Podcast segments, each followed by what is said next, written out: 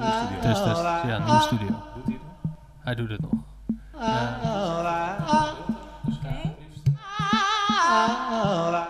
Dit is de wereld van morgen.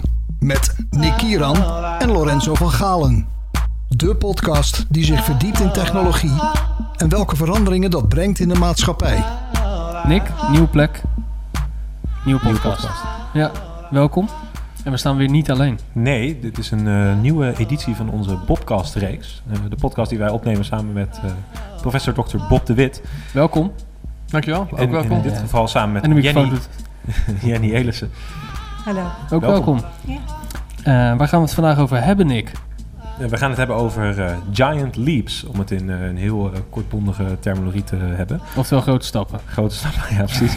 Ehm, en, maar dat is ook wel een leuk bruggetje naar waarom, eh, waarom dit een Bobcast is en waarom eh, Bob daadwerkelijk hier ook bij aanwezig is.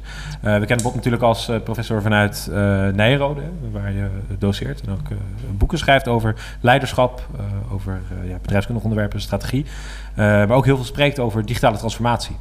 Eh, dus ja, dan hebben we denk ik een ehm, giant leaps ook in, eh, in die eh, hoek te- meteen te pakken. Maar laten we beginnen met, onze, ja, met onze tweede gast, in dit geval Jenny. Zou je jezelf kunnen voorstellen?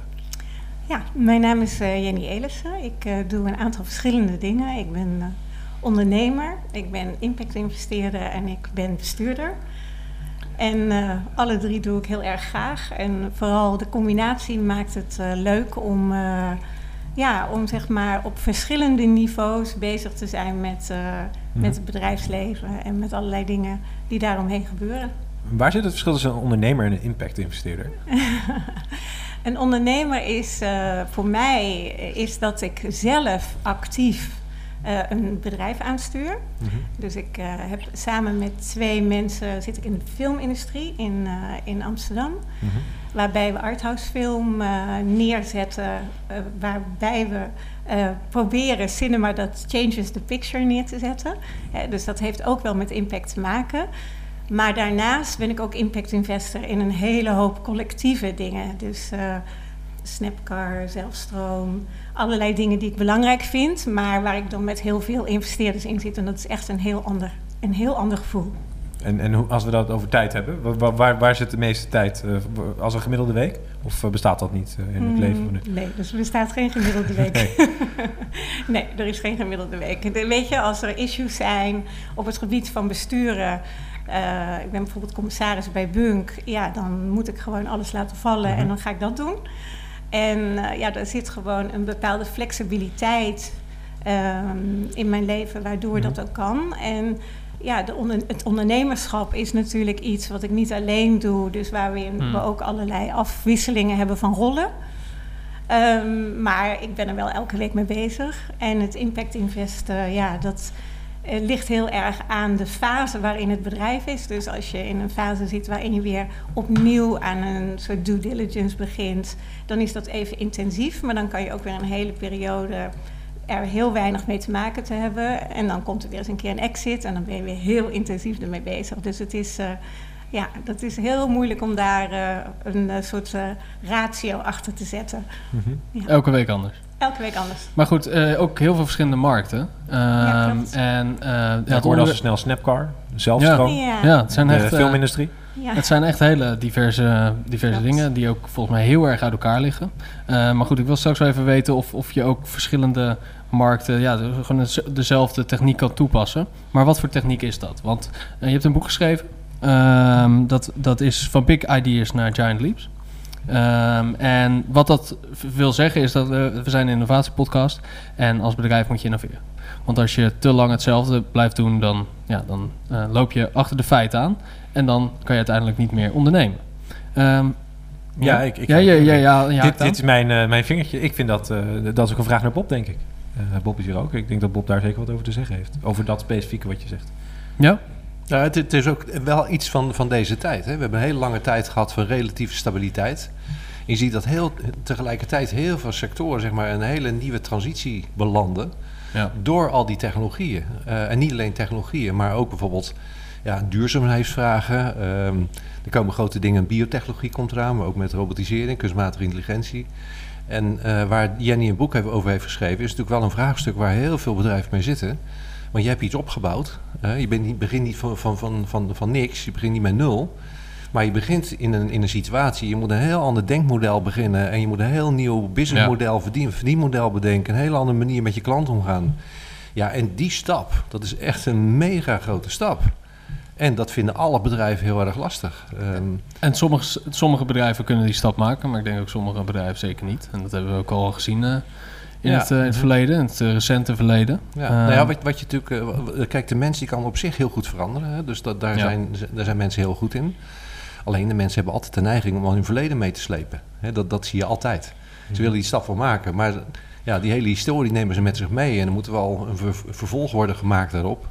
Ja, en dat vinden mensen heel erg moeilijk. Nou, en hoe je nou die grote sprong maakt... Zeg maar, naar die andere model, een andere manier van denken... En vaak zijn er natuurlijk ook hele logge, logge bedrijven met heel veel lagen, waar het heel lastig is om, als je 's ochtends wakker wordt met een nieuw idee, om die ook op zo'n grote schaal te im- implementeren. Nou, en ook omdat er natuurlijk overtuigingen zijn ontstaan in zo'n bedrijf hoe je zoiets nou eigenlijk doet. Hè? Ik bedoel, als je in de automobielindustrie zit, ja, dan doe je dat zo. Dit vinden wij Ja. belangrijk. En, en van die overtuigingen afkomen, dat is heel erg lastig. Dat zijn, dat, ja, daar, daar worstelen alle bedrijven mee. Dat is ook een beetje En- de... Oh, sorry. Ja, ja ik heb, en ik zie ook weinig, eh, weinig goede eh, boeken of, of, of, of verhalen hoe je die stap maakt. En ik vind dat, dat Jenny dat heel even, mooi heeft gemaakt. Dus ik denk dat dat echt een toevoegde waarde is voor alles wat er, eh, wat er in de wereld Nu is. ga ik een hele moeilijke vraag stellen. Kun je ons heel, nou misschien, misschien niet, maar kun je ons heel praktisch, heel kort uitleggen eh, ehm, ja, de wat, je, luisteraar. wat je daar aan de luisteraar, wat je daarmee bedoelt? Oké. Dus daar heb ik het Ehm, over van de, de big ideas naar de... Ja, Zo. precies. En wil je dan een kort antwoord over wat de beweging is van het boek is? Want, of wat de achtergrond van het boek is? Want dat, Nou, dat- doe maar. Begin ja? maar met de achtergrond. Ja, leuk, tuurlijk. Ja. Nou, wat denk ik belangrijk is, is dat ik 25 jaar in de reclamewereld eh, heb rondgelopen. Ik Ben, eh, in het, ik heb eh, zeg maar in het managementteam gezeten van veel grote bureaus in Nederland, maar ook in het buitenland. En daar ehm, heb ik eigenlijk in 25 jaar geleerd hoe dat je naar focus toe moet en naar een unieke propositie. En dat heeft een aantal jaar heel goed gewerkt. Maar in de afgelopen tien jaar heb ik gemerkt dat het een enorme beperking geeft. Omdat namelijk hoe meer je focust en hoe meer je probeert om ehm, vanuit bestaande overtuigingen ergens te komen, hoe meer je allemaal hetzelfde doet. En hoe meer je er als het ware. ehm, hoe, meer, hoe lastiger het wordt om in de toekomst daar overheen te springen. Hebben we het dan over een autofabrikant bijvoorbeeld? Ja, bijvoorbeeld Volkswagen Das Auto. Mhm. Dat betekent dat je, de, dat je eigenlijk de overtuiging neerzet dat dat een fantastische auto is. En dat is het ook ongetwijfeld. Maar je leeft met waarschijnlijk 13.000, 14.000 mensen, leef je die overtuiging. En die overtuiging die, die institutionaliseer je. En dat is heel fijn, want daardoor eh, krijg je natuurlijk ook een gefocust bedrijf. En krijg Ja. je dat mensen aan hetzelfde ding werken. Maar het vervelende is dat hoe meer ehm, je zeg maar in de concurrentie komt. En hoe meer dat je in die focus komt, hoe lastiger je aan het eind van transitieperiodes, dus als eigenlijk industrieën moeten transformeren, hoe lastiger het wordt om die verandering te maken. Nou, en een van de eh, dingen die mij daar vooral in opviel, is dat als je vanuit die bestaande overtuigingen probeert naar nieuwe oplossingen te komen. En ik ben daar zelf ook schuldig aan geweest, want ik heb meegewerkt aan een boek Disruption, wat ik ooit in het verleden, waar ik heel zwaar op samengewerkt heb met TBWA, die dat eh, boek in de markt heeft gezet. Dan kom je wel tot verbeteringen, maar je komt niet tot grote stappen. En, ehm, nou, en dat kan voldoende zijn. Dus als je Ehm, dus als je in staat bent om vanuit een bestaande propositie, zeg even een melkfabrikant of een foodfabrikant, dan kun je daarmee heel veel, eh, zeg maar, een soort incrementele innovaties maken. Je kan er wat suiker uithalen, je kan er wat vet aan toevoegen. Mooie je kan, hè, wat, maar wat je dan eigenlijk gaat doen in marketing, en da- dat is een beetje mijn, eh, mijn noodkreet naar de markt, is dat je betere verhalen gaat maken met minder slechte producten. En minder slecht is echt iets anders dan goed. Goed, ja. Dus je komt in een soort cyclus terecht waarbij je telkens minder slecht, minder slecht, minder slecht produceert. Is dat ook de Volkswagen Polo bijvoorbeeld? Ik weet niet of dat de, Volkswagen. Polo is. Voor jou Maar- misschien wel. Nee, nee, maar serie- nee, maar serieuze vraag. Ik bedoel, we hebben het Ja. over minder slechte producten. Ja. Eh, op het moment dat we naar de automarkt kijken, denk ik dat het redelijk homogeen is wat daar gebeurt. Eh, met uitzonderingen links en rechts. Ehm, dus als ik kijk naar een, naar een bedrijf als Volkswagen. Volgens mij is de, als ik de Volkswagen, ik ben geen autokenner hoor, maar volgens mij is de Volkswagen Polo buiten een paar hele kleine incrementele veranderingen niet heel erg veel anders eh, dan de vorige als we het even over anders hebben. Ehm, ik zou eerder willen kijken naar andere dwarsverbanden. Hè. Renault maakt bijvoorbeeld, eh, hoe heet die andere, eh, ehm, de Dacia. eh, Mhm. Dacia. Ja. Ehm, dat, kijk, wat er dan gebeurt, is dat je dus eigenlijk probeert om telkens markten te creëren met datgene wat je hebt. En je probeert een beter verhaal te creëren. In dit geval dat Mhm. het met dezelfde technologie en van hetzelfde merk komt. Maar dat je toch een ruimte in de markt hebt gevonden waardoor die auto 10.000 euro goedkoper kan zijn. Precies. Dat, Op die nou, manier, En op ja. die manier ga je dus handig met marketing om, wat, waar op zich niks op tegen is. Alleen waar ik dan wel iets op tegen heb, is het feit dat het alleen maar leidt niet tot incrementele verbeteringen, maar incrementele verslechteringen. Dus dat is, dat Op die is, manier, ja. hè, dus dat is mijn Ja. basis. En dan ga je zoeken, en dat heb ik de afgelopen tien jaar gedaan omdat je als je met impact investing aan de slag gaat, dan stop je ook met te kijken naar alleen maar eh, KPI's. Hè? Naar, eh, naar de cijfermatige en naar de kant die telt in bedrijfslevens. En dan ga je ook kijken naar nieuwe vormen van rapporteren. Dus naar integrated reporting. Je gaat kijken naar B Corp. Hoe kan je nou alle factoren. Dus Wat is B Corp? Sorry hoor. Sorry, B Corp is een eh, meetsysteem waarbij je niet alleen kijkt naar de geldimpact, maar waarmee je ook kijkt naar hoeveel mensen geef je werk.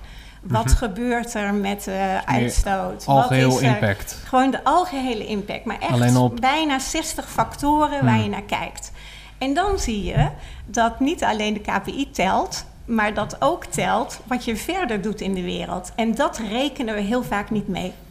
Nou, en Nee. om die giant leap te maken, eh, moet je dus stoppen met te denken in die beperkte overtuigingen. Want die beperkingen, die, die bouwen we dus met elkaar. Maar wat is dan een beperkte overtuiging? Die, die... Nou, een beperkte overtuiging is bijvoorbeeld eh, dat grote bedrijven niet eh, goed zouden kunnen innoveren. Oké. Ik kan heel veel voorbeelden noemen dat dat prima kan. Alleen je moet. ehm, ik ken bijvoorbeeld een mobiliteitsbedrijf waar ik voor gewerkt heb. Die jarenlang geprobeerd heeft om innovatie van binnenuit eh, voor elkaar te krijgen. En het enige wat we op een gegeven moment gedaan hebben. ehm, nou ja, en, en hoe deden ze dat dan? Dat herkennen jullie waarschijnlijk wel. Is dat ze achter in de gang een, eh, een soort incubator eh, Mhm. openden. Hè? En daar kwam dan elke dag kwam iemand langslopen en zei: Ja, goed jongens, hartstikke goed gedaan. Maar dat bedrijf was natuurlijk binnen drie maanden was totaal opgeslokt in de dynamiek en in de opera- operationele eh, Ja. dynamiek van dat bedrijf. Nou, het enige wat wij hebben gedaan is een echte concurrent gemaakt. En op het moment dat die echte concurrent buiten het pand, als het ware, jou dag voor dag uitdaagt om een nieuwe problematiek neer te zetten, dan ontstaat er gewoon een tweede fantastisch bedrijf. En allebei kunnen een giant leap maken. Ja, ik snap dat het lastig is om een voorbeeld te praten vanuit eh, de precaire relaties. Ik, wil, maar- ik wil heel even maar- terug, want je had het over, over de transitieperiode van een, van een bedrijf. Ja. Hoe herken je die? Dat herken je doordat ehm, eigenlijk alles langzaamaan ehm implodeert. Hè, dus de, dus, ehm, dus er, het kost steeds meer geld en mensen en, en inzet om, naar de, om zeg maar, eh, bestaande doelstellingen te halen. Eh, Hmm. Het, het eh, kost steeds meer reorganisaties om het voor elkaar Ja. te krijgen. En dat soort dingen. Ja, daar herken je het aan. Daar herken je Dat zijn aan. factoren waaraan je, kan, waar je, waaraan je herkent, oké. Ehm, volgens mij is het wel... En tijd eigenlijk om- herken je het aan heel veel moeite. Het kost steeds meer moeite. Het spelen gaat eruit. Het spelen gaat En eruit. wie, ins- wie signaleert dat binnen een bedrijf?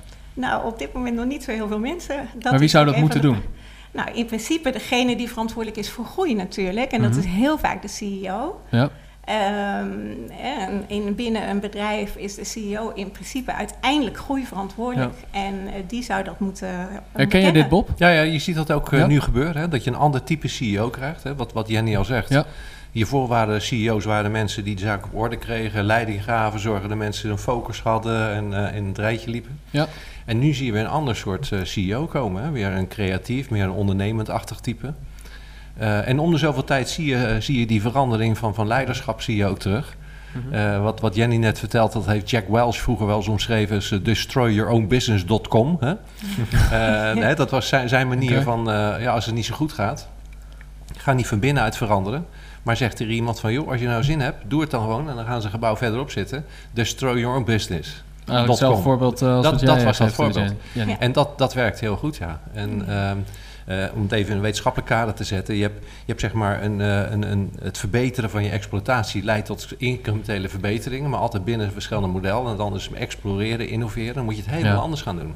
En dan moet je buiten de kaders gaan denken. Het is wel heel erg van deze tijd om, om ja. zo'n CEO, zeg maar, van een op controle, hè, managerachtige CEO toe te gaan naar een ondernemende, uh, ja, leiderschapachtige CEO. Ja. Dat is wel iets van deze tijd. Ja. Nou ja, ik, ik las, uh, jij beschrijft dat uit je hoofd denken. Hè? Ik, ik, las een artikel. Uh, dat is eigenlijk wat je, wat je nu zegt. Gewoon op een hele andere manier omgaan al binnen het bedrijf. Ja. Nog niet zozeer met dit vraagstuk. Maar binnen het bedrijf en met, met leiding geven. Ja, nou ja, de, die automobielindustrie is een mooi voorbeeld natuurlijk. Ja. Je ja. hebt het over de Polo en de Dacia. Dat is echt zo dat, dat, dat oude denken. Ja. Um, maar ja, we weten allemaal dat we over 20 jaar geen auto meer rijden... omdat er een ander, ander systeem is. Nou, dan heb je dus uh, 160.000 mensen... en die zijn allemaal aangenomen om auto's te gaan produceren. Ja, ja hoe krijg je dan zo'n bedrijf om... om niet auto's te produceren, maar te zorgen voor... Uh, uh, voor mobiliteit in de toekomst. En we weten ook nog niet eens hoe je geld nou eigenlijk verdient in die mobiliteit van de toekomst. En hoe krijg je nou die gedachte daar? Ja, ja. ja dat is echt een hele grote gedachtesprong. Dat is echt een hele grote ja. gedachtesprong. En wat ik daarbij ook dus mooi vind, is dat dus uh, heel vaak komt daar dan nu, hè, want het zit een hele grote spanning enerzijds met einde maken aan het systeem en anderzijds dat het dan toch nu al duurzaam moet worden. Hè? Dus eigenlijk is duurzaam ook een beetje een incre incrementele verbetering moet dat worden voor de meeste bedrijven. En wat je daar dan nu ziet, is dat mensen dus door de combinatie van enerzijds um, eigenlijk steeds minder goede producten maken, maar wel duurzaamheid daaraan toevoegen, dat je dus echt hele rare verhalen krijgt. En wat ik dan noem unintended consequences. Hè, dus dat je bijvoorbeeld een, een, nieuwe sportschoen krijgt die 10% plastic uit de oceaan in, uh, uh-huh. in de schoen verwerkt. En dat wordt dan een enorm verhaal. Maar uiteindelijk, als je netto-netto dus naar die, uh, naar die B Corp-achtige ja. dynamieken kijkt, dan zie je dat het helemaal geen goed verhaal is. Het is een verschrikkelijk verhaal. Want eigenlijk nodig je mensen uit om een slechte schoen te kopen die uiteindelijk toch weer voor 90% in de, in de, in de zee drijft. Dus dat is eigenlijk het verslechteren in plaats van die grote stap. Ja, maar waarom is dat dan verslechteren? Gewoon vanuit mijn uh, nou ja, onwetendheid. Omdat, eigenlijk... omdat je het probleem, je, je hebt een oorzaak-gevolg dynamiek. Hè, waarbij je zegt van nou met 10% plastic uit de zee heb ik een beter verhaal. Maar het product wordt er niet beter op. Hè, want, want maar ook niet minder, toch? Nou ja, één keer nul uh, is nul. Ik denk dat het wel minder is. Als jouw doelstelling is om een duurzaam product te gaan maken... en je eindigt nog steeds met een product waar 90% van de zee in gaat... Dat is geen goed. Ja, op, op, die, manier, op, die, manier, op die manier ben ik het met je eens. Ja, dan snap ja. ik hem beter. Ja? Maar ik kan me ook voorstellen met uh, de zogenaamde poot in de modder... advocaat van de duivel uh, die ik nu kan spelen. Dat mag. Is, uh, ik ben bestuurder van een groot schoenenleveranciermaker... Ja. Uh, ja, die hebben uh, te horen gekregen van de aandeelhouders... we willen volgend jaar uh, of volgend kwartaal willen we meer schoenen verkopen. Uh, en die zijn op zoek, denk ik, naar juist naar die, die methode... om te kijken hoe kunnen we mensen weer overtuigen... om weer een nieuwe schoen uh, te, uh, aan te schaffen. En dat kan een trendbeweging zijn dat mensen duurzamere schoenen willen. En dat is denk ik ook hetgene wat ik hoor, precies wat, wat er wordt gezegd. En ik ben het ook helemaal... Ik, ik bedoel, ik denk dat een weldenkend mens ook zegt... Ja, ik ben het er ook mee eens. Maar dat maakt het ook tegelijkertijd weer zo moeilijk. Want ja, het is ook weer... je komt op je werk maandag en, ik heb, en je moet toch weer hetzelfde doen waarvoor je wordt aangenomen. Je hebt ja. een bepaalde functie vaak op je kaartje staan of op je, op je salarisstrookje. Eh, en ik- dat heb ik ook ooit een keer hoor- gehoord tijdens een bijeenkomst toevallig van, eh, eh, van jouw bedrijf, Bob. eh, van een collega van jou. Die zei, eh, verandering is helemaal niet moeilijk. Want iets nieuws leren is niet moeilijk. Alleen het oude vergeten, dat Ja. is heel erg moeilijk. Ja, dat vinden we heel moeilijk. ja. Eh, en dat vond ik ook een hele interessante uitspraak. En dat is denk ik ook precies wat, eh, dat, kan, dat kan je als een tang hier ook op slaan. Eh, want op het moment dat we kijken naar, naar zo'n partij als, eh, als, als, als, nou ja, als, een, als een schoenenfabrikant, ik wilde een merk noemen, maar het maakt niet zo Mhm. uit. Nee, Ehm, wat zouden zij dan wel kunnen doen? Ja. Hè, dat is misschien een hele moeilijke creatieve vraag. nee hoor. Om zoiets, eh, om zoiets te kunnen bewerkstelligen. Om juist wel die volgende Ja, stap te doen. Ja, klopt. Nou ja, daar komen de giant leaps in. Hè, dus die komen dan voorbij. Kijk, want wat er dan eigenlijk gebeurt, is dat je jezelf af moet vragen: welk ontwerp ben ik nou aan het maken voor de toekomst? Hè? Dus, en dat kan niet alleen maar over schoenen gaan. Dat, en dat is het grote verschil. In marketing waren wij altijd gericht op de markt en wat dat allemaal voor effecten had. Hè? En dan omschreven we onze doelgroepen.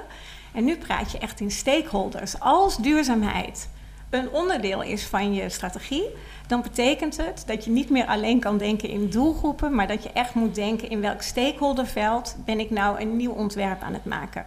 En ook al is dat nieuwe ontwerp tien jaar ver, op het moment dat jij kan communiceren, dat je je hele bedrijfsvoering integraal omzet naar die beweging, dan heb je in principe ook een goed verhaal om nu al 10% in te zetten. Maar dan wel op een manier waarop je accountable wordt naar je stakeholders. Dat is eigenlijk eh, de ding. En dat zie je ook, dat goede giant leapers, die maken dus dat ontwerp voor het geheel.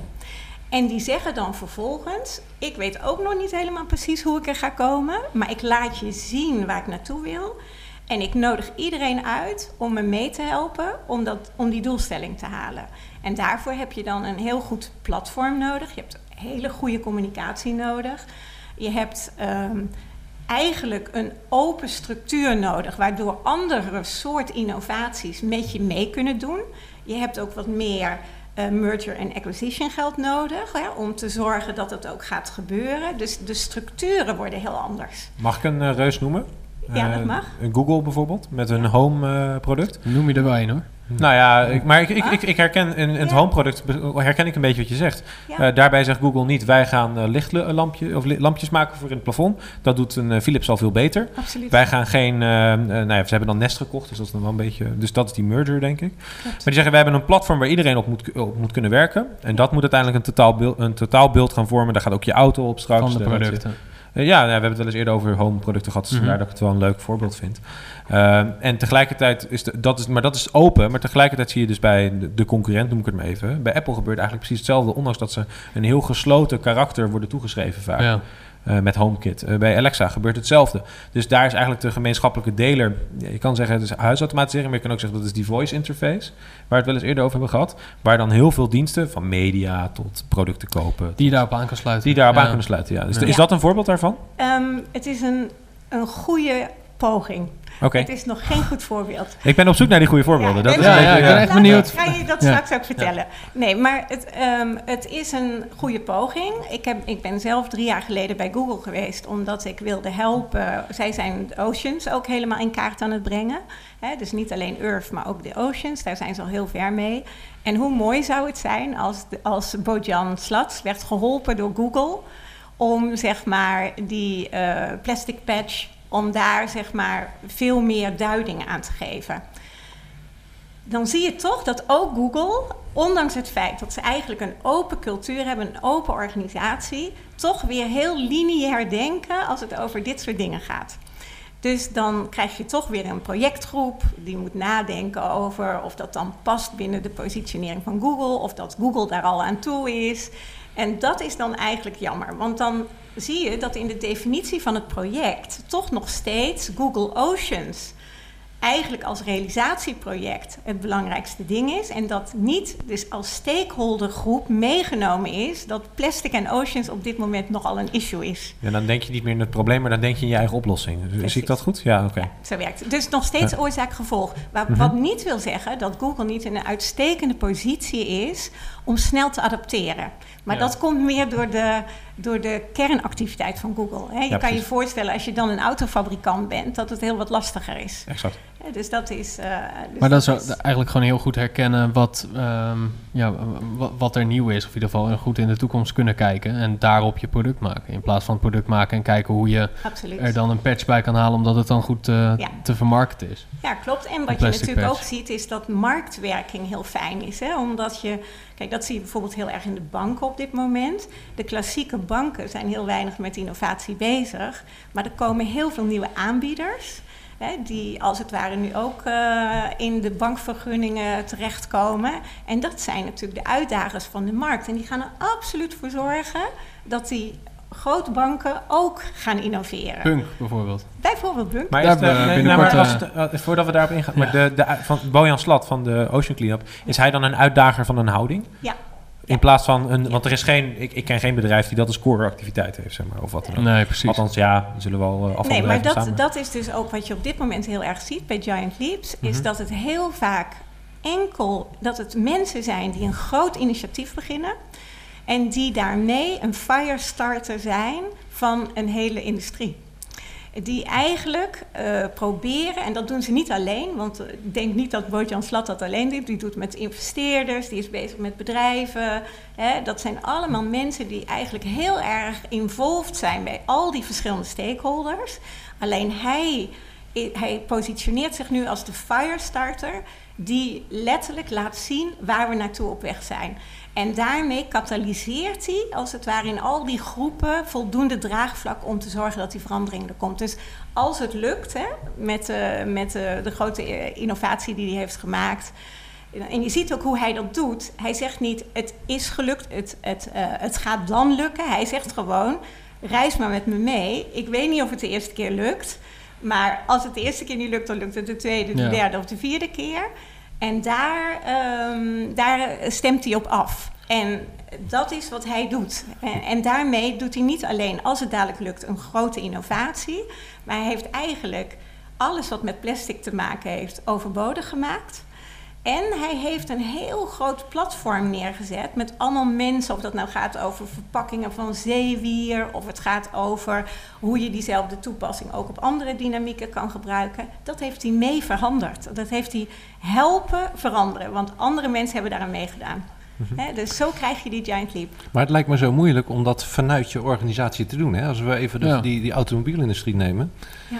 Ik denk dat er wel weer iemand zal opstaan eh, met een geweldig idee en dan mensen volgen hem en zo. Maar het is natuurlijk veel makkelijker om vanuit een eh, blanco vel papier eh, helemaal vrij, vrij na te denken, creatief. En is heel nieuws bedenken, geen, geen belangen waar je mee rekening mee moet houden. En, en van de duizend mensen zullen er wel een paar zijn die inderdaad met zo'n mooi, mooi voorbeeld komen. Als je nou naar zo'n bedrijf gaat, een BMW of een, of een Mercedes of een Volkswagen. En je gaat ze vertellen, jongens, het gaat heel erg veranderen. We weten ongeveer dat het autonoom transport wordt. Maar, eh, en nu hebben wij een methode om dat voor elkaar te krijgen. Dan moet je eigenlijk, wat jij zegt, moet je dus kunnen institutionaliseren. Moet je door een bedrijf kunnen doen. Dan krijg je ook jouw probleem. Dan kunnen misschien de top, die kan het dan nog wel, hè, uiteindelijk. Hè, dat wordt al een hele stap. En vervolgens gaat hij dat uitleggen aan de aandeelhouders. Die zeggen van, en wat is het rendement? Ja, bijvoorbeeld. Ja. Dus heb je, dan heb je als het ware een, een, een Maar- dubbel probleem. Maar Maar denk je dat in de oh, auto, in automobiele markt eh, daadwerkelijk zo'n groot eh, eh, probleem gaat ontstaan? Want als je het hebt over de automobielen, en Mercedes, BMW, noem maar op, eh, die, die verdienen gewoon, heel- dat is, de leasemarkt is gewoon een hele grote markt. Een van de grootste markten ter wereld. Uiteindelijk moeten die zelfrijdende auto's ook geleased worden. Of die hebben, als, als er een bedrijf in Rotterdam opstaat en die gaat eh, een x aantal auto's leasen, dan moeten die nog steeds Precies. gemaakt worden en is er nog steeds een Nou, maar ik leasecontract. geef het even als voorbeeld van dat, Ja. dat het makkelijker is om vanuit niks zeg maar, iets nieuws op te zetten. Ik denk het helemaal niet dat Nee, het makkelijker is. Nee, het is helemaal niet makkelijk. Maar eh, laat ik zeggen, al- als je Nee. bij een bestaand bedrijf hebt, dan heb je al dat je die aandeelhouders moet overtuigen. En je, je hebt zeg maar de top zelf die Ja. over hun schaduw heen moeten stappen. Ja. Dus het is al niet makkelijk. En dan krijg je nog twee problemen erbij. Hè? Dus zo bedoel ik het eigenlijk meer. Klopt. Maar ik denk dat het dus een enorme uitnodiging is om op een andere manier ehm, die verandering in te gaan dan dat ze gewend zijn. Dus er zijn twee manieren. Eén vertelde ik toen straks al. Hè? Dus op het moment, ik weet niet of jullie het verhaal, dat is ook een verhaal wat ik van iemand heb hoor, gehoord, dus daar kan ik over praten. Hè, Samsung heeft de strijd van Apple gewonnen op enig moment in volume, omdat ze een tweede bedrijf naast zichzelf neer hadden gezet, Compendium, die hun per dag aanvielen. Dus Compendium Juridisch, was, eh, Compendium was de aanvaller van Samsung, maar die was gewoon onderdeel van Samsung. En, maar die zat wel in Silicon Valley naast Apple en Google. Dus Hm. op die manier kun je natuurlijk echt een dynamiek creëren die in vier, vijf jaar een verandering teweeg brengt. Nou, die zoveel. Ik weet niet of jullie dat spotje nog herinneren. Er was op een gegeven moment een heel leuk spotje dat op een gegeven moment eh, allerlei mensen weer voor een winkel stonden te wachten Ja, op een nieuwe 2013, mobiel. 2014. En dan komt iemand ja. met Samsung langs, weet je wel, die Mhm. al honderd mooie adaptaties heeft. En, nou, dus dat is één manier. En Dus dat een leuke je- variant trouwens is destroy the business of your competitor.com. Ja, ja Dus- precies. Ja dat, is ook, ja, dat is hartstikke leuk. Ja. En de andere manier is dat je ehm, eigenlijk ehm, je businessmodel zodanig gaat veranderen dat intrinsiek het hele bedrijf moet veranderen. En dat zie je nu bijvoorbeeld heel erg in de energietransitie, inderdaad. Hè, waarbij nieuwe soort modellen zoals sharing, zoals eh ehm, leasen, als het ware zo'n fundamentele ander kernproces binnen een bedrijf eh, realiseren, dat eigenlijk iedereen gewoon wel moet veranderen. Dus dat is bijvoorbeeld het succes achter zelfstroom geweest. Jarenlang eh, was er al heel veel vraag natuurlijk naar een soort share of lease positie eh, in die zonnepanelenmarkt. Maar ehm, er waren twee grote problemen. De duur van het zonnepaneel maakte, of de kwaliteit van het zonnepaneel was niet goed genoeg voor een tweede en derde markt om een circulaire dynamiek te kunnen bouwen. En de gemiddelde kosten die mensen over hebben om zonnepanelen op hun dak te leggen, was van een dergelijk bedrag dat je ook echt moest rekenen van goh, wat kan je nou voor belasting neerleggen op een Nederlands huishouden met een goede positie voor zonnepanelen. Nou, en dat is dus een combinatie geworden van twee soorten dingen. Ehm, namelijk enerzijds de lengte van het model, waardoor je een tweede en derde markt kon creëren. En een totaal andere dynamiek, want zonnepanelen kon je alleen maar kopen. En dat kostte minimaal 10.000 euro. Nou, hoeveel mensen hebben dat bovenaan hun lijstje staan Ja. als een extra uitgave per jaar? Hè? Dus dat, nou, en dat is uiteindelijk dus het succes. Maar wat zie je natuurlijk gebeuren? Ehm zelfstroom is niet door een bestaande aanbieder opgezet. Hè? Dus niet door een Eneco, niet door een Essent. Maar nu dat dat model bekend is, zie je natuurlijk dat de energietransitie versneld wordt opgepakt door die grote jongens. Nou, dat is alleen maar goed nieuws. Dat is fantastisch. Ik, ik snap nu ook beter die houdingvraag. Want ik denk als je een Cent was, of een Eneco, of een nou, whatever, Ja. welke partij dan ook. En je zou deze case ge- gepresenteerd krijgen. Dus jij bent dat projectgroepje achteraan in, in, in, de aan de gang. hal, in de gang. en je zegt van, nou, mensen hebben dit er eh, niet voor over, dit wel. Is, en dan ga je onderzoeken, nou, zoveel mensen hebben dit er voor over. Er komt niet uit, marge is niet hoog genoeg. Dus we kunnen het beter niet doen, want het draagt niet bij aan continuïteit van de organisatie. We verdienen er geen geld aan. Of wat voor reden dan ook. Bij een zelfstroom is wellicht de gedachte meer, meer geweest in een houding. Van we willen zoveel mogelijk mensen aan de zonnepaneel krijgen. Dus hoe gaan we dat doen? Ja. Nu denk ik niet dat ze bij Gewoon een zelfstroom... andere vraag stellen. Ja, ja, van hoe doen we het wel? Ja. Eh, dus niet benedeneerd van hoe gaan we er geld aan verdienen, maar hoe gaan we er een, überhaupt een eh, business omheen Ja. creëren. Nu denk ik niet dat ze bij zelfstroom eh, elke maand zelf hun eigen salaris betalen. Althans, dat, dat denk ik niet. Dat kan ook wel zo zijn. Dat, Ik denk het wel. Nee, Nou ik weet het niet, maar dat is dan mijn volgende vraag. Ja. Eh, als de business case niet uitkomt bij een Eneco, Mhm. hoe komt die dan wel uit bij een zelfstroom? Of nemen die genoegen met een met lagere marge? Of- Doordat creativiteit een grotere rol speelt. Dus kortom, als jij ehm, op een gegeven moment weet dat je een eh, systeemverandering door wilt maken, dan heb je ook meer creativiteit nodig. En op het moment, en dat is, de, dat is het grote gevaar natuurlijk van grote logge dynamieken, die moeten eerst zichzelf blijven voeden om in leven te blijven. Ja, Hè, voordat ze überhaupt toekomen aan verandering. Hè, dus daar zit met name een hele grote eh, vervelende dynamiek. Hè, dat je dus ook echt iets heel fundamenteels nodig hebt om zeg maar, die verandering ook in te kunnen zetten. Hè, dus dat is. maar, ehm, maar stel ik dan een hele ouderwetse vraag als ik vraag of het businessmodel uitkomt bij zo'n eh, ja, zo'n zo'n partij?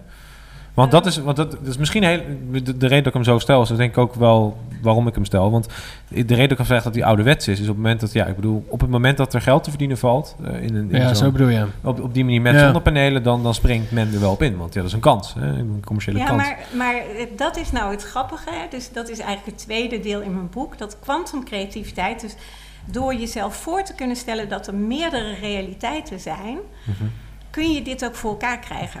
Als je een groot bedrijf bent, ben je helemaal gaan geloven in je eigen realiteit. Ik gaf eh, gisteren of deze week een keer Bob het voorbeeld van een grote bank waar ik, eh, waar ik een grote opdracht eh, moest doen.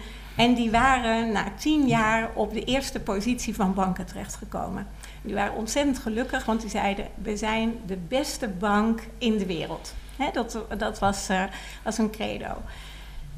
En ze waren gekomen vanuit een positie die, waar ze heel erg hard hadden moeten vechten om in die positie te komen. En daardoor was het nu één groot feest, want ze waren de beste en de grootste en de, mooiste bank van uh, dingen. Nou, toen gingen we een paar vragen stellen en toen zeiden we: Oké, als jij dan de beste bank bent van uh, Nederland, hoe, meet je dat dan? En zeiden ze: Nou, dat is onze net promoter score. Onze klanten die uh, geven ons allemaal hele goede cijfers. Toen zei ik: Wat is het cijfer dan? En toen zei hij, oh, um, um, een 5,9. Oh. Was hij waarschijnlijk wel de beste van de markt, ik, ja. hij was de beste van de markt. Ja. Maar de vraag is of je dan kan zeggen dat je de beste en de grootste en de mooiste bank bent. Want die realiteit is totaal verkeerd. Maar dat zegt toch veel meer over de markt dan over die bank? Ja, want als jouw kind morgen thuis komt en die zegt... pa, ik ben de allerbeste, ik heb een 5,9 gescoord... dan sta je ook wel een beetje raar te kijken. Ja, dan zegt dat of, die, of iets over de klas. Dan zegt dat meer over de klas dan... Hè, meer over het gemiddelde in de markt. Ik denk het niet. Ik denk dat het over allebei wat zegt. Ja, dat wou ik zeggen, ja. Het, het, zegt ook iets over die bank. Want het betekent namelijk dat je in een realiteit gaat geloven... dat er 5,9 nou, voldoende is om een markt fantastisch te bedienen. Terwijl we weten dat een net promoter score afrekent op minimaal een 8, een 9 of een 10. Dus dan zit je nog twee punten verwijderd van wat überhaupt een net promoter score vertegenwoordiging is. Mhm. Maar je gaat in die realiteit geloven en dat stopt je om te innoveren. Dus die realiteit. Nou, en daarom is het dus zo belangrijk om te gaan leren denken in meerdere realiteiten. En dat is wat anders dan scenario denken. Hè? Want scenario denken gaat heel erg over KPI's en doorzetten. Nee, het gaat er gewoon over dat deze bank op een gegeven moment zichzelf moest realiseren dat het gemiddeld één keer in de twee jaar reorganiseerde. En dat die reorganisatie heel wat meer geld kost dan dat er gerekend wordt.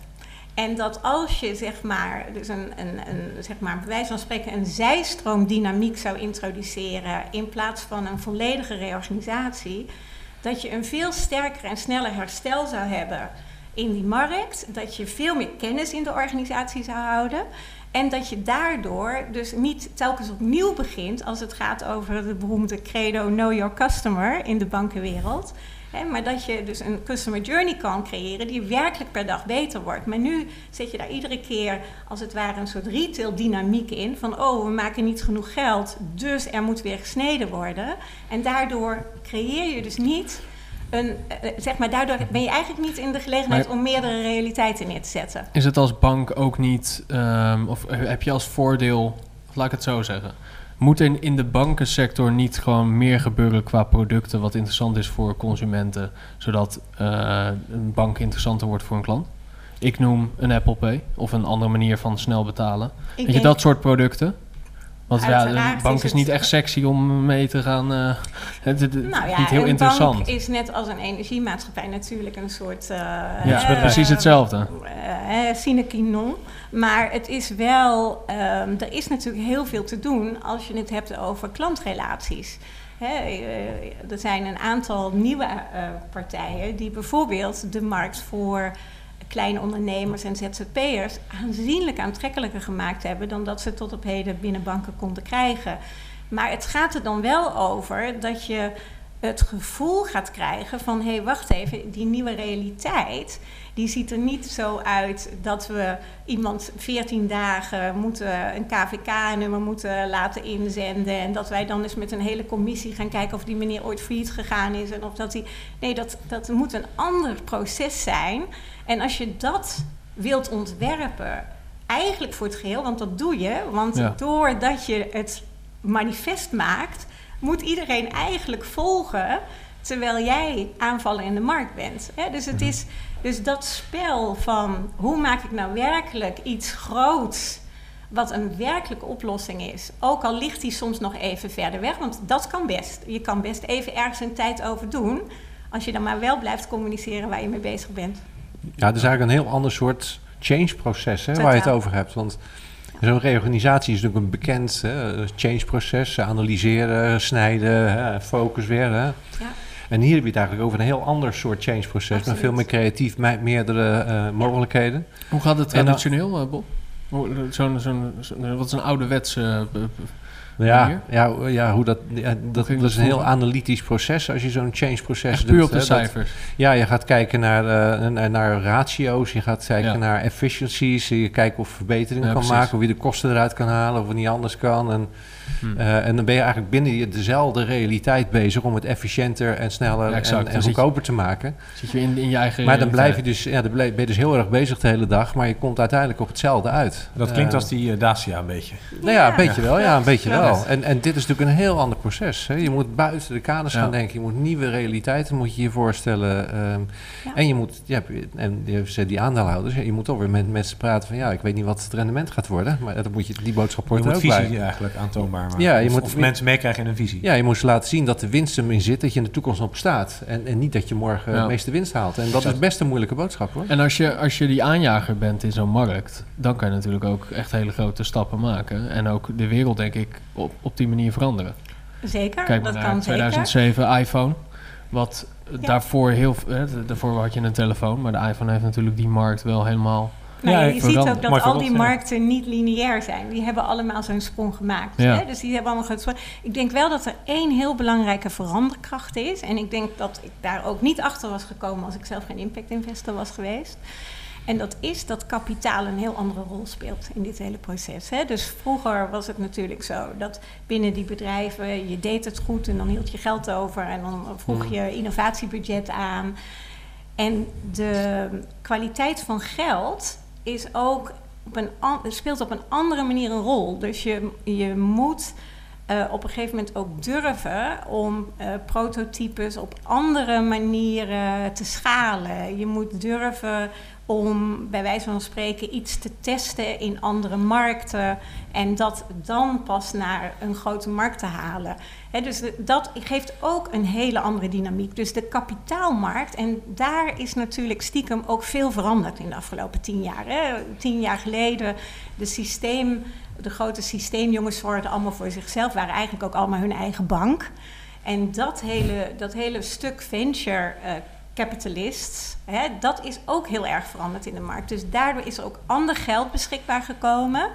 En doordat dat andere geld als het ware ook ja, moet gaan renderen, ingezet moet worden voor verandering, heb je ook dat er meer mogelijkheden zijn om die verandering naar voren te Ja. trekken.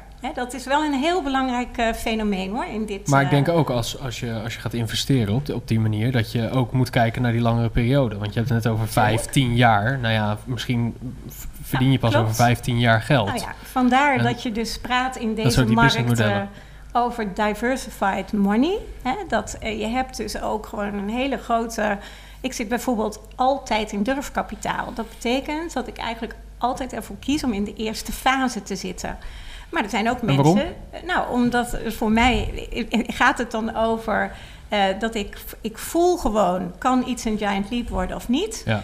En, en dan weet ik dat ik geduld moet hebben. Dus het is slow money, zoals dat in onze vaktermen heet. Het is slow money. Maar het betekent wel dat als ik die beweging met die club maak... dat ik over zeven jaar iets fundamenteels heb gedaan. Enerzijds en anderzijds echt geld heb verdiend. Maar er zijn ook partijen die dan zeggen... nee, ik wil het pas doen op het moment dat het schaalbaar is. Nou, en dan hebben ze een mindere ratio en een minder verdienvermogen. Maar het is heel belangrijk om dat kapitaal op dat moment in te zetten. Ja. Ja, want die durfkapitalisten kunnen dat niet. Want die, hebben niet dat, die kunnen niet dat vermogen bij elkaar halen. Maar ze zijn wel heel belangrijk in die eerste fase. Want dan is niemand uit de institutionele markt is geïnteresseerd. Nee, want die wil een, eh, een, term, een factsheet zien van wat je gaat doen. En, eh, Ja. En die wil gewoon geen risico. Ik, ik, ik las ook een interessant stuk over. ehm, het ging dan over subsidie, niet zo over lening. Dus ik, ik weet ook niet alle eh, ins en outs. Maar dat ging over eh, een, nou ja, laat ik dan ook maar geen naam noemen. Niet nader te noemen Nederlandse tank eh, benzinepartij. Nou, wie zal het Ja. zijn? En een veel logo? Ja, precies. Oh, ja. Maar die maakte waterstoftanks. en er was een andere, ge- ook geel trouwens. Dat was eh, Fastnet, heet het geloof ik. Voor die elektrische Oh, ja, opladers. ja, ja. Eh, en Fastnet heeft nooit een subsidie gekregen. Waarom niet? Omdat zij niet konden aantonen dat zij een markt hadden voor hun product en dat ze konden wegzetten, et cetera. En waar komt Eh, deze subsidie vandaan?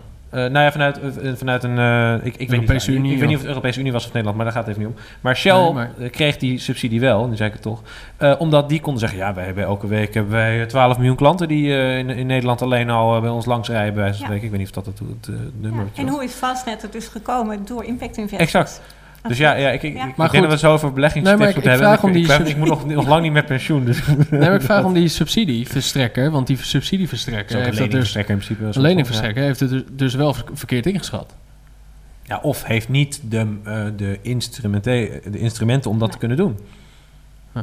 Ja, denk, die mensen die subsidies verstrekken, die, moet je, die, die zitten ook niet in het begin van die fase waar Diane in zit. Nee. Ja, dat, dat zijn mensen die moeten gevoel hebben. Zo, dit kan wel groot. Nou, het helemaal in het begin. Hè. Je gaat iets doen Ja. en, en, en je kunt nog niet aantekenen wat het is. Maar de mensen denken van, nou, hier zit wel wat in. Weet je, dat durf ik wel aan. Hè. Ja. En dat verspreid je dan over verschillende van dat soort initiatieven.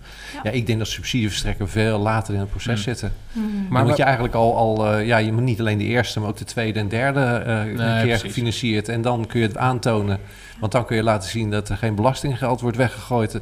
Je, het valt, valt ook niet te verkopen volgens mij. Maar het lijkt me wel waanzinnig moeilijk, want het heeft ook veel- gewoon veel met gevoel te maken. Van, goh, nou, ik voel dat... Visie Ja.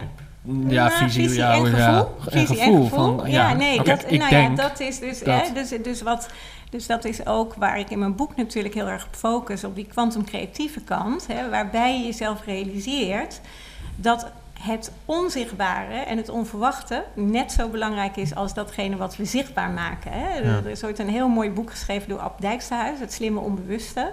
En ik denk dat goede ondernemers heel veel training hebben of doen op dat onzichtbare en dat onverwachte.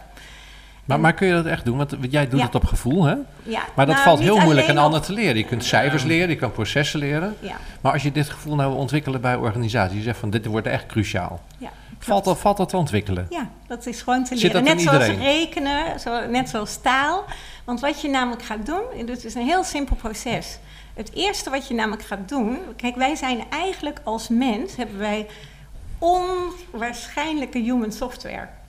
Maar we kunnen hem niet gebruiken omdat we vol zitten met beperkende overtuigingen. En die beperkende overtuigingen, ja, eh, precies. De beperkende overtuigingen zijn of waanwerkelijkheden Ja. of realiteiten die we denken dat er moeten zijn. Maar op het moment dat je alleen al die beperkende overtuigingen weghaalt, dan kom je in een extreem grote ruimte terecht. Ja. En die ruimte, die, die krijgt precies diezelfde ervaringsdynamieken als die je normaal gesproken hebt. Alleen, je hebt die beperkende overtuigingen niet meer. Dus dat is al je eerste ruimte. En je tweede ruimte, die kan je creëren doordat er een aantal hele simpele kindtechnieken zijn, waardoor je ook nog over die realiteiten heen kan springen. Waardoor je eigenlijk in een, in een creatieve ruimte terechtkomt waar nog weer andere ervaringen zitten, waardoor je het nog groter kan maken. Hoe meer, eigenlijk zijn we als mens op het moment dat we geen beperkende overtuiging, je hebt het woord helderziend, en dan denk je, jee, wauw, wat is dat nou? Nou, dat is gewoon dat je geen beperkende overtuigingen hebt. Dus iedereen kan helderziend worden op het moment dat je beperkende overtuigingen los gaan laten. Nou, hoe kan je dat nou organiseren? Hoe doe ik dat op dit moment? Dat is Ja. belangrijk. Dus ik heb vorige week bijvoorbeeld in de. eh, heb ik een grote opdracht gedaan voor Zuid-Limburg. Dat, eh, dat kan ik eh, wel noemen.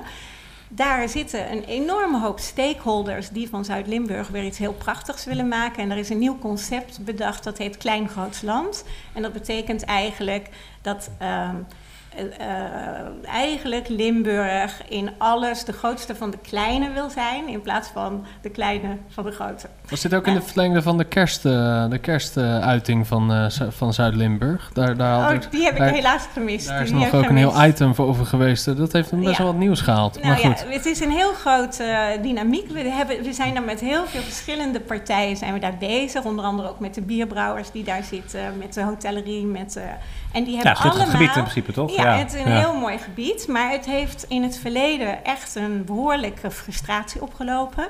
Namelijk doordat de mijnen weg zijn gegaan. Het aantal beperkende overtuigingen wat er ontstaan is in zeg maar de aantal jaren dat die industrie niet meer in Limburg is, die bepalen als het ware wat de progressie van Limburg is. Op het moment dat je dus met een aantal stakeholders dat weg gaat halen, en dat doe je op een hele simpele manier, zoals kinderen dat ook doen. Kinderen die denken niet in beperkende overtuigingen, maar die denken in universa. Als ik eh, tegen mijn eh, nichtje zeg eh, van goh, zullen we gaan spelen? Dan zegt ze ik ben een prinses, dan is ze ook echt een prinses. En dan moet ik maar eens proberen om haar eruit te krijgen. En eigenlijk diezelfde... dan word jij de schoonmoeder waarschijnlijk, Ja. niet? En eigenlijk is datzelfde wat je dus ook kan doen met organisaties. Dat je, dat je, organisaties zijn heel goed in argumenten. En wij hebben dan een spel dat heet Arguments for Argument's Sake.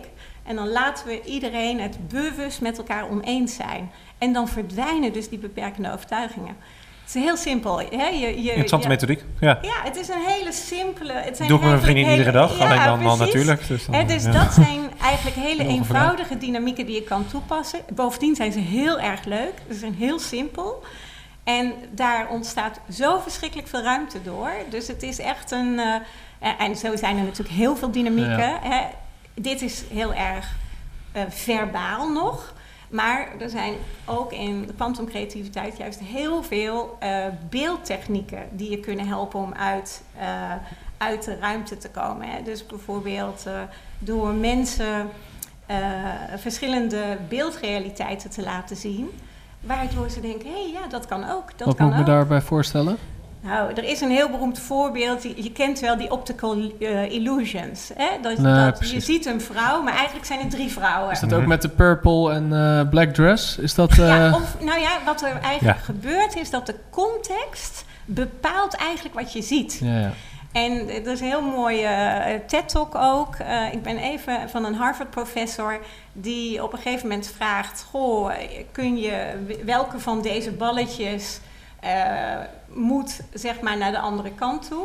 En dan zegt iedereen groen, omdat het lijkt dat die twee groenen hetzelfde zijn. Maar het is een heel Hmm. ander groen.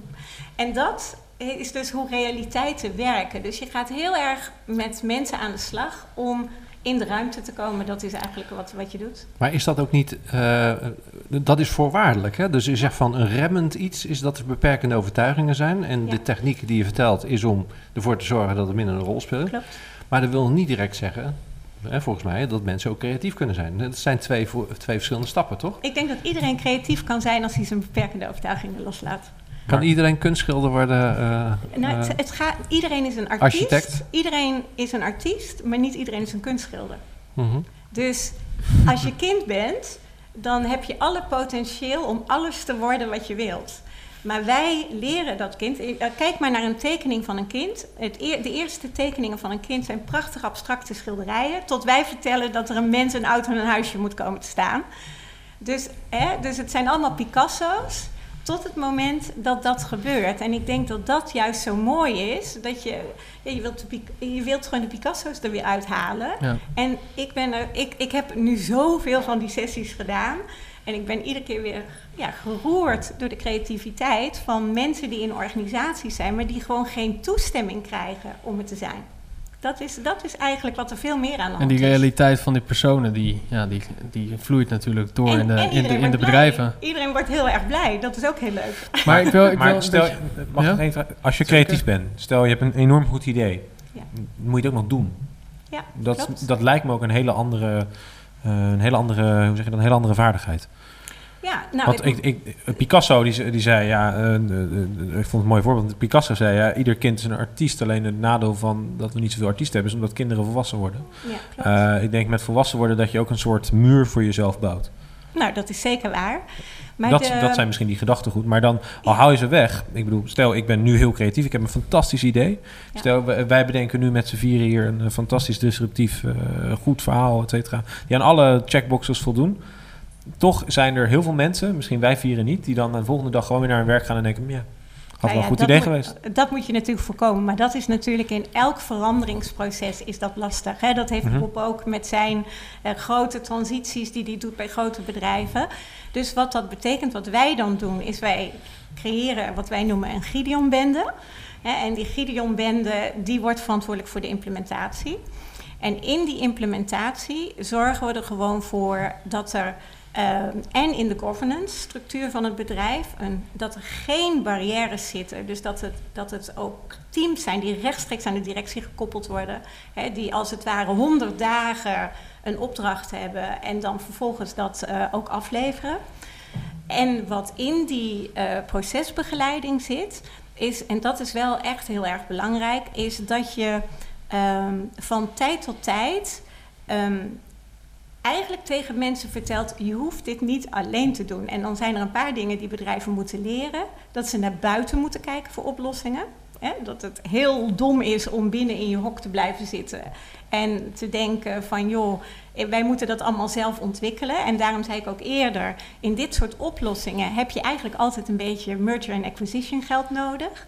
Want soms is het gewoon veel handiger om even iets kleins te kopen of om te zorgen dat iets geïntegreerd kan worden. Ja. En dan help je ook om die giant leaps ook progressie te geven. Dus het is, uiteindelijk wordt er niet meer geld uitgegeven, maar het geld wordt anders uitgegeven. Dat, dat is het. Maar, maar is het zo dat, dat het lijkt, zoals je het zegt, dat je min of meer eh, willekeurig door het lot bepaald eh, zoveel mensen uit het bedrijf kan halen, omdat ze allemaal het vermogen hebben om dat te doen?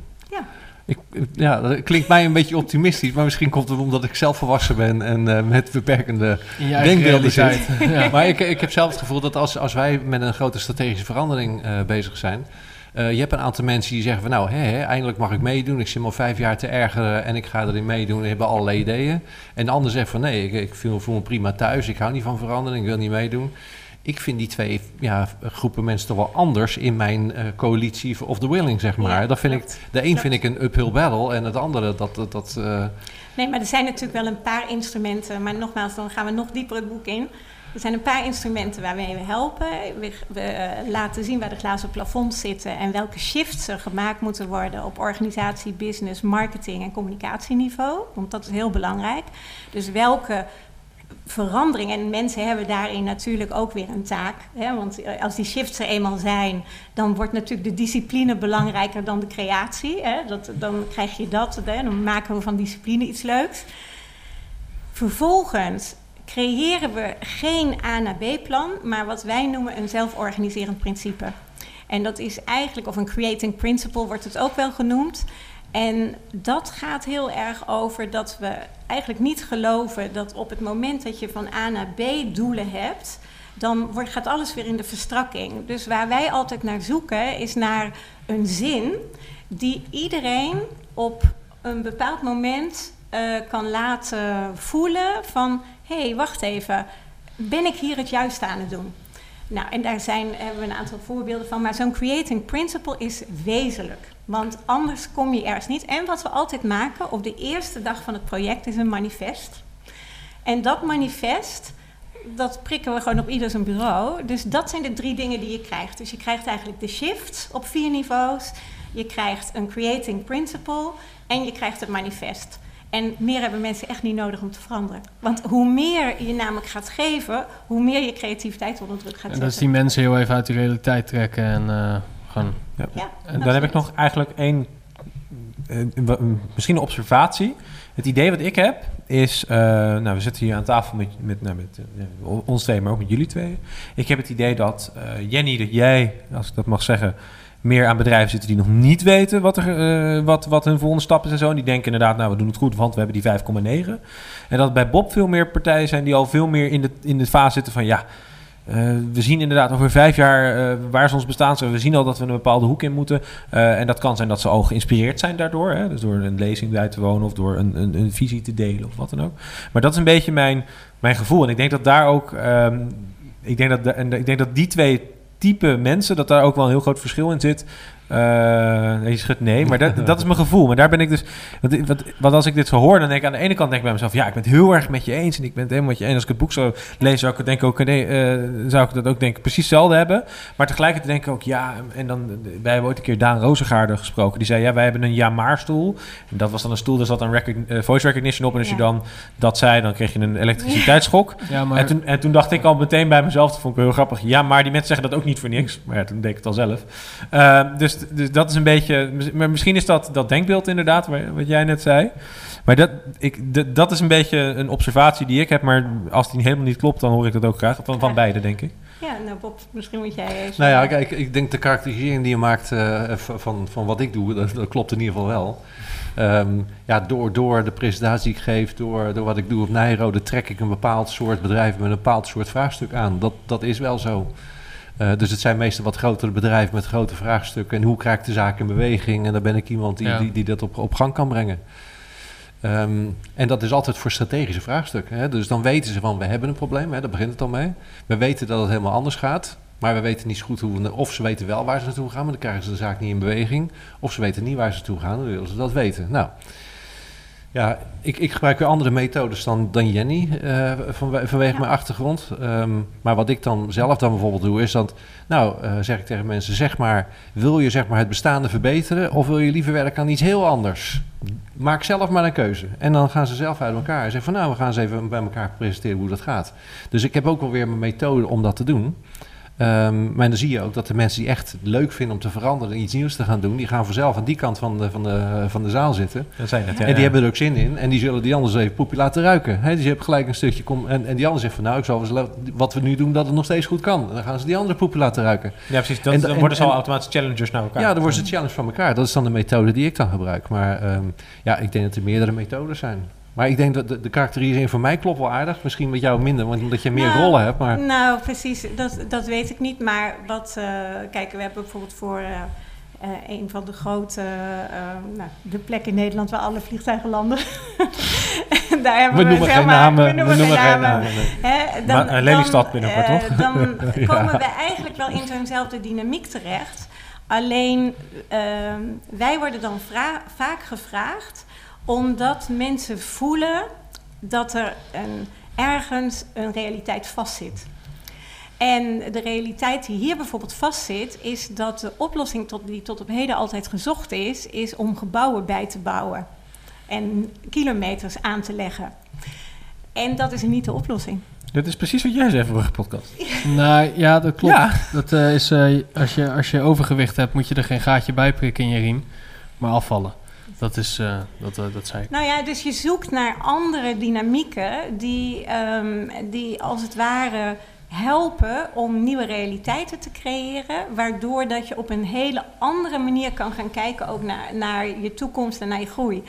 En, en dat is natuurlijk net zoals Bob zijn publiek aantrekt. Is er, kijk, ik heb natuurlijk een achtergrond in de creatieve industrie. Hè, dus daardoor krijg je natuurlijk ja, ook zeker ja, mensen die daar met name ook op focussen.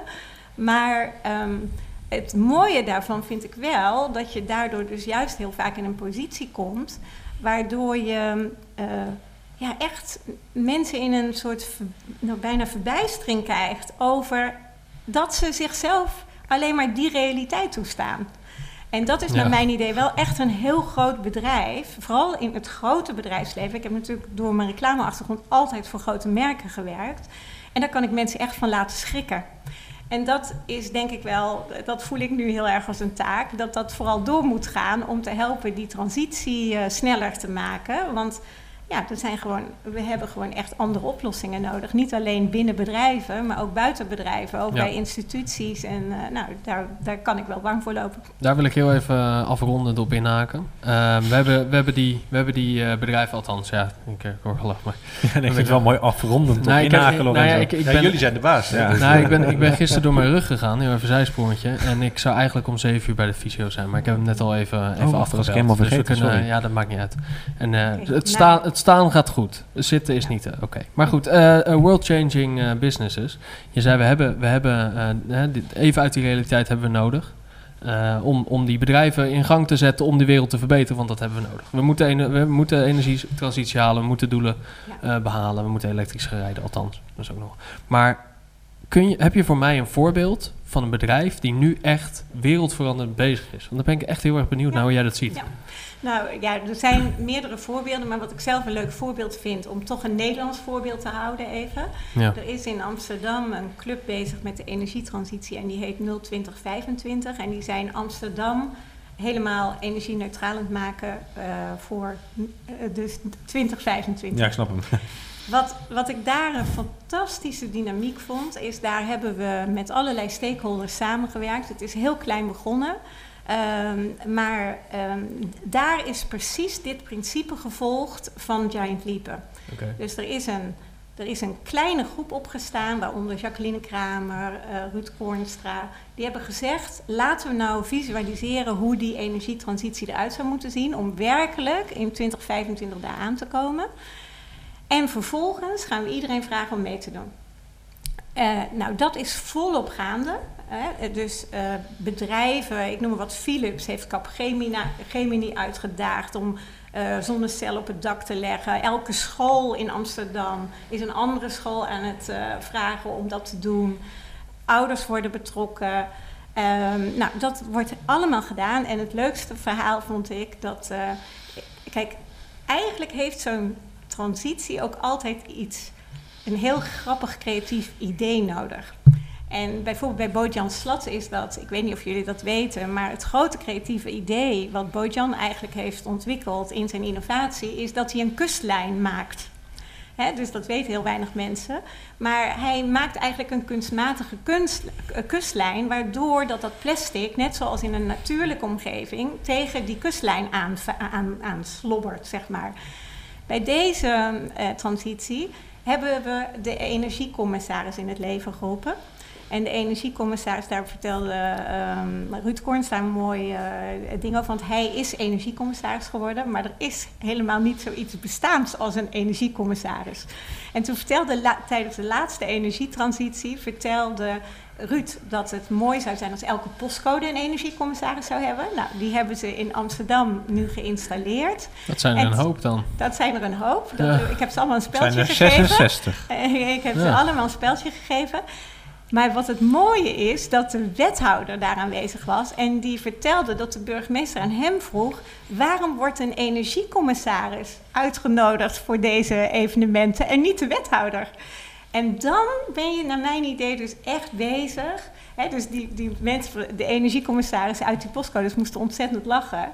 Want je creëert dus met elkaar een positie die eigenlijk non-existent is. Precies. Maar wat zo'n sterk idee is, dat je daardoor als het ware werkelijk ook ja, zwaartekracht aan het geven bent aan datgene wat je aan het doen bent. En dat ook is, helemaal van onderaf. En ook helemaal bottom-up. ja, precies. En maar inspireert ook in plaats- top-down. En ook top-down. hè, ja, met de wethouder dan weer eh, erbij. En, Ja, maar ook met eh, Jacqueline Kramer, met mensen die gewoon hun, eh, dynamiek, hun, hun dynamiek echt inzetten om dit voor elkaar te krijgen. het eens opzoeken. Ja, ik ik ken in Rotterdam, we hebben dan de EVR. Daar ben jij wel bekend mee ook. eh, En het eh, energie-neutraal nou, komt volgens mij bijna weer uit. Het college is ermee bezig. eh, de economische verkenning Rotterdam. En eh, er is een doelstelling, 2030 hè, 2030. eh, volledig eh, energie-neutraal in Rotterdam. Eh, maar goed, daar zie je ook wat, wat, wat dingen gebeuren met kunstenaars, met, met creatieven... die middelen verzinnen om, eh, om die beweging op gang te krijgen. Nou, Dat is wat, wat wel heel typerend is, ook met die energietransitie. dus heel kenmerkend, dat mag ik wel eventjes wat algemeniseren, zeg maar. Maar is dat die economie wordt gedecentraliseerd. Hè? Het, wordt, het gaat terug naar burgers. Want wat er eigenlijk gebeurt, is als... eh, ik weet niet of die hier op een blockchain wordt gezet, die eh, energie, maar hè, dat is dan de techniek die erachter zit. Eh, maar dan zeg je eigenlijk, elk, elk persoon die mag dus zijn eigen... Hè, er wordt gefaciliteerd om zonnepanelen of, of wind op te, op te vangen of zo. Ehm, dan ga je decentraal iedereen aan elkaar koppelen. Maar tegelijkertijd wordt elke burger wordt zelf producent van energie. Ja. En dan ga je dus niet meer grote bedrijven eh, massaal laten opwekken... en het geld gaat daar naartoe en wij betalen belasting... en daar krijgen we energie voor. Dat is een totale systeemverandering. Ja. Je gaat tegen mensen zeggen van je zet zo'n energieding op het dak... dat genereert energie, dat mag je verkopen... en dat mag je ook zien als een soort basisinkomen. Nou, ter, je- ter verduidelijking, de blockchain als de... Dat is gewoon een techniek nee, de techniek om dus het te gewoon de verkopen. techniek om Ja. het te enabelen. Maar die, dat is dan de techniek. Maar eigenlijk wat het, eh, wat het mogelijk maakt, is dat je een decentrale eh, economie maakt. Een decentrale samenleving van de mensen. En, en nu is het een beetje uitbesteed aan bedrijven en uitbesteed aan de overheid. Ze regelen het wel. Dat is echt een totale maatschappij. Podcast, om- om- om- podcast 1, hè? Ja, nou, maar dat is, dat is echt een heel mooi voorbeeld. Nou, het is En- wel en heel dat- mooi. En dat volgens van, van, van wat je hebt in Ja. Dat is volgens mij begonnen in Mumbai. Hè, het, is, het, is, het is niet helemaal nieuw eh, bedacht, maar, hè, maar het is wel hartstikke goed gedaan. Ja. Maar je hebt dat ook in, eh, in Bangkok en Mumbai eigenlijk ook. Dat, dat die decentrale energieopwekking is, is eh, dat zie je wel langzamerhand Met een incentive komen. ook voor de mensen om ermee te sparen, te verkopen. Zo is dat. naar Nou het ja, net. dus wat zie Maar je ook de wereld helpt, toch? Ja, uiteindelijk wel. Nee, dus wat je ook ziet is dat natuurlijk het feit dat we nu die giant leaps versneld kunnen maken, heeft natuurlijk wel met digitale transformatie te maken. Of dat heeft te maken met de capaciteit die je eronder kan zetten omdat je het distributiesysteem, ook als Ja. het gaat over communicatie en als het gaat over verspreiding, dat dat natuurlijk, je kan veel grotere groepen natuurlijk met elkaar blijven verbinden. En Ja. dat is natuurlijk een, zeker een enorm eh, asset. En dat zie je ook bij alle voorbeelden die ik in het boek beschrijf. Dat eigenlijk digitale, ja, digitale assets daaronder hè, heel belangrijk zijn. Ja, het is zowel de noodzaak, maar ook weer de enabler voor Ja, de mogelijkheden. Hè, tuurlijk. beide. Ja, dus tuurlijk. Ja. dat maakt het ook een andere wereld. Ja, en ik denk wat ook in zo'n 02025 goed werkt, omdat het vanuit de burger komt. eh, wat je dan ziet is dat, eh, ja, het is een beetje een liberale gedachte. Hè? Dus een beetje van, ja, lossen het samen op. En dan kom je ook eerder tot een oplossing. Ik denk dat op het moment dat je zelf je, je huis wil isoleren, is het iets anders dan, eh, nou ja, dan de politicus die bij een talkshowprogramma zegt van, ja, iedereen moet even 35.000 euro apart zetten om in zijn huis ongeveer te investeren en een warmtepomp aan te leggen. En ik denk dat als men, dat heel veel mensen snappen waarom ze het moeten doen, ook dat wel willen. En ik denk dat ook echt best wel veel mensen dat, dat zouden willen doen. Maar op het moment dat het inderdaad top-down op je, nou, letterlijk op je dak eh, komt Valt. of valt, eh, nou ja, dat was een beetje een woordgrap. maar eh, dan, dan, wordt het een, dan wordt het een ander verhaal. En dan krijg je ook ja, tegenstand, hè, weerstand krijg je dan in dat geval. En ik vind het wel grappig, want ik eigenlijk, eigenlijk 02025 kende ik niet. Nou, jij noemde al een voorbeeld van Rotterdam. Ja. Nou ik woon in de mooiste gemeente van Nederland, hadden we het net over, in Schiedam. eh, nee hoor, zo mooi is het ook weer niet. Alleen, eh, alleen waar ik woon natuurlijk. Nee, zonder gekheid. Maar daar heb je dus ook zo'n initiatief. Schiedam is een prima stad hoor. Nee, nee, maar daar heb je dus ook zo'n initiatief. Ik zit een beetje te plagen. ja, maar, tuurlijk. Ja. maar dat is dus grappig, want zo, dan, dan betekent dus eigenlijk dat je heel veel lokale initiatieven hebben, heb. Eh, terwijl ja, ik 020 kan leren van 010 en andersom natuurlijk ook. Nee, maar je ziet het Maar heel veel hoor. Initiatieven. Je ziet heel veel Ja, initiatieven. je, ziet het, je ziet het ook in, in eh, eh, Noordwijkerhout, je ziet het in Etteleur, je ziet het overal zie je die dingen ontstaan. En daar kijk ik dan weer naar. Dan zie ik dat, eh, hè, dan Ja, denk ik van, hé, dat is een algemene trend, die probeer ik dan te begrijpen. Ja, precies. Maar dat is echt een algemene trend hoor. Nou, ik vind een heel mooi voorbeeld is mijn moeder, waar ik gisteren even was. Eh, en die liet me dus een foldertje zien van, hé, hey, ik kan nu zonnepanelen nemen. En dat, dat, dat komt dan bij de huurprijs, want ze huurt dan een eensgezinswoning. Eh en dan betaalt ze extra eh, geld, maar dan vindt ze het wel ineens interessant om dat te doen. Tuurlijk. En dat een he- hele kleine aanpassing, maar dan, ja, weet je, zelfs mijn moeder, die ik gewoon heel normaal schaal, eh, gewoon een normaal Nederland, die denkt van, nou, dat vind ik wel interessant, gaan we doen voor die paar tientjes extra per maand. Ga ik doen, hartstikke Ja, goed. dat is een heel mooi voorbeeld van En waar Jenny het over heeft. Ja, echt een heel mooi en voorbeeld. waarschijnlijk heel erg gedragen door de buurt waarin ze ook Ja. woont. Exact, Hè? Want exact. dat is natuurlijk de lokaliteit gaat dan ook weer heel erg mee. Precies. En je hebt iets gezamenlijks weer. Hè? Ja, je kan als buurt precies. kun je samen iets doen. Hè? Dus, in Exact. plaats, hè, Ja. dus Ja. maak je het samen. Kunnen we nog meer samen doen. En dan, Ja. Ja, ja. en dan ga je een decentrale economie bouwen. Dan heb je ook meer gemeenschapszin. Dan ga je weer samen voor elkaar zorgen. Ja. Dat, dat is echt wel een trend, ja. Zeker. Ja, eigenlijk, ik deed net een beetje kneuterig natuurlijk over Schiedam, maar eigenlijk is het de, de, de lokale factor is ook wel heel interessant in deze. Tuurlijk. Eh, Ja, dus maar in het klein, in het groot. Hè? Mhm. het, het Ja. heeft meer met kapitaal te maken en met de snelheid waarmee je zeg maar, dingen implementeert. Maar in principe is het systeem hetzelfde. Ja, zo. Ik, ik herken dus de rode lijn in de podcast. De eerste, eh, die Ja, met Jeroen en. El, nu deze weer. Volgens mij eh, doen- doen we het erom. Nou ja, de- kijk, de, de, de, gro- de rode lijn, eh, als ik het zo mag zeggen, de golden thread, hè, dat is een veel mooier woord, vind ik, eh, is wel de grote maatschappelijke omkering die plaatsvindt. Ja. We zitten echt aan de voorrand van een maatschappelijke revolutie. Ja. Mag ik dat zo Dus zeggen? we Ja, nee, niet- zeker. We, we hoeven niet meer te wachten op die grote eh, autofabrikanten en eh, Nee, energiemaatschappijen om de verandering eh, te maken en de wereld mooier. Maar juist de, de mensen, Nou, power ze to zijn the wel people. belangrijk. Ze zijn belangrijk, want ze, ze geven natuurlijk voeding aan ketens. Tuurlijk. Hè? En die ketens moeten zeg maar, op een nieuwe manier vorm gaan krijgen. Maar ja, het is, eh, we hebben de kleintjes nodig om de grote eh, efficiënt te maken weer. Op een hele andere manier. Eh, nou ja, eh, ja, ik wil maar een beetje af gaan ronden. Ehm, Jenny, als mensen je boek willen lezen van Big Ideas naar Giant Leaps, zeg goed, eh, waar kunnen ze die vinden? Bij Managementboek. Helemaal goed. Ja. Eh, daar staat eh, alles nog veel uitvoeriger in met die voorbeelden en eh, Ja. technieken. Ja, dan wil ik iedereen bedanken. Ook Bob eh, voor deze laatste of nieuwste editie van de Bobcast. Toch niet de laatste over? Nee, niet, Nee. ja, de laatste in de Ja, reeks. eh, je tot nu bent commissaris bij Bunk, eh, dat las is ik. precies wat nou, ik wou zeggen. inderdaad, ja, Ja. bruggetje. Ik maak hem zelf wel even, Ja, eh, is Nick. goed, dankjewel. Ehm, en met Ali Natuurlijk Niknam, talenten, jongen. eh Niknam, zeg ik goed zijn achternaam. Eh, daar hebben we volgende week een podcast eh, mee, hè? Nee, nee, nee, het is verplaatst. Oh, nou, wel Sorry. binnenkort, wel binnenkort. Wel binnenkort. Wanneer hebben Volgende we die week dan, hebben wij een podcast met Henk Ovink. Oh ja, ja. Eh, De water guy, eh, zoals die wordt eh, genoemd. De water guy. Daarna De watergezant. Toekomst van water. Ja. toekomst van water. Eh, Ricardo van Loenen hebben we daarna. Over de toekomst van eh, ja, bedrijfsvastgoed, eh, kantoorruimtes en dergelijke. Ja. Ook wel leuk om dat hier te doen. Hoe heet, eh, hoe heet eh, zijn, eh, zijn eh, B Amsterdam. B Amsterdam, Oh, ja. ja. Ja, ja, ja, ja, ja. Daarna hebben we inderdaad Ali Niknam van Bunk. Ja. Nou, leuk. Dan zie ik hem zeker nog voor die tijd. nou, goed, Ja, nou ja. Dan kan je ik zeggen, zeggen, doe hem te goed. zeg dat het geen zeer doet en dat we gewoon aardige jongens zijn. Nee, maar dat, ik denk dat hij niet zo bang is. Nee, ik ben, ik ben heel, echt, ben heel erg benieuwd. Heel erg benieuwd. Ja. We hebben genoeg in de planning staan in ieder geval. Zeker. En eh, daarna hebben we, gaan we weer een roadtrip doen met Tesla. Ja. Dus dat is ook leuk. Nogmaals bedankt en eh, Jullie ja, bedankt. Vanaf de nieuwe plek. Dankjewel. Dankjewel.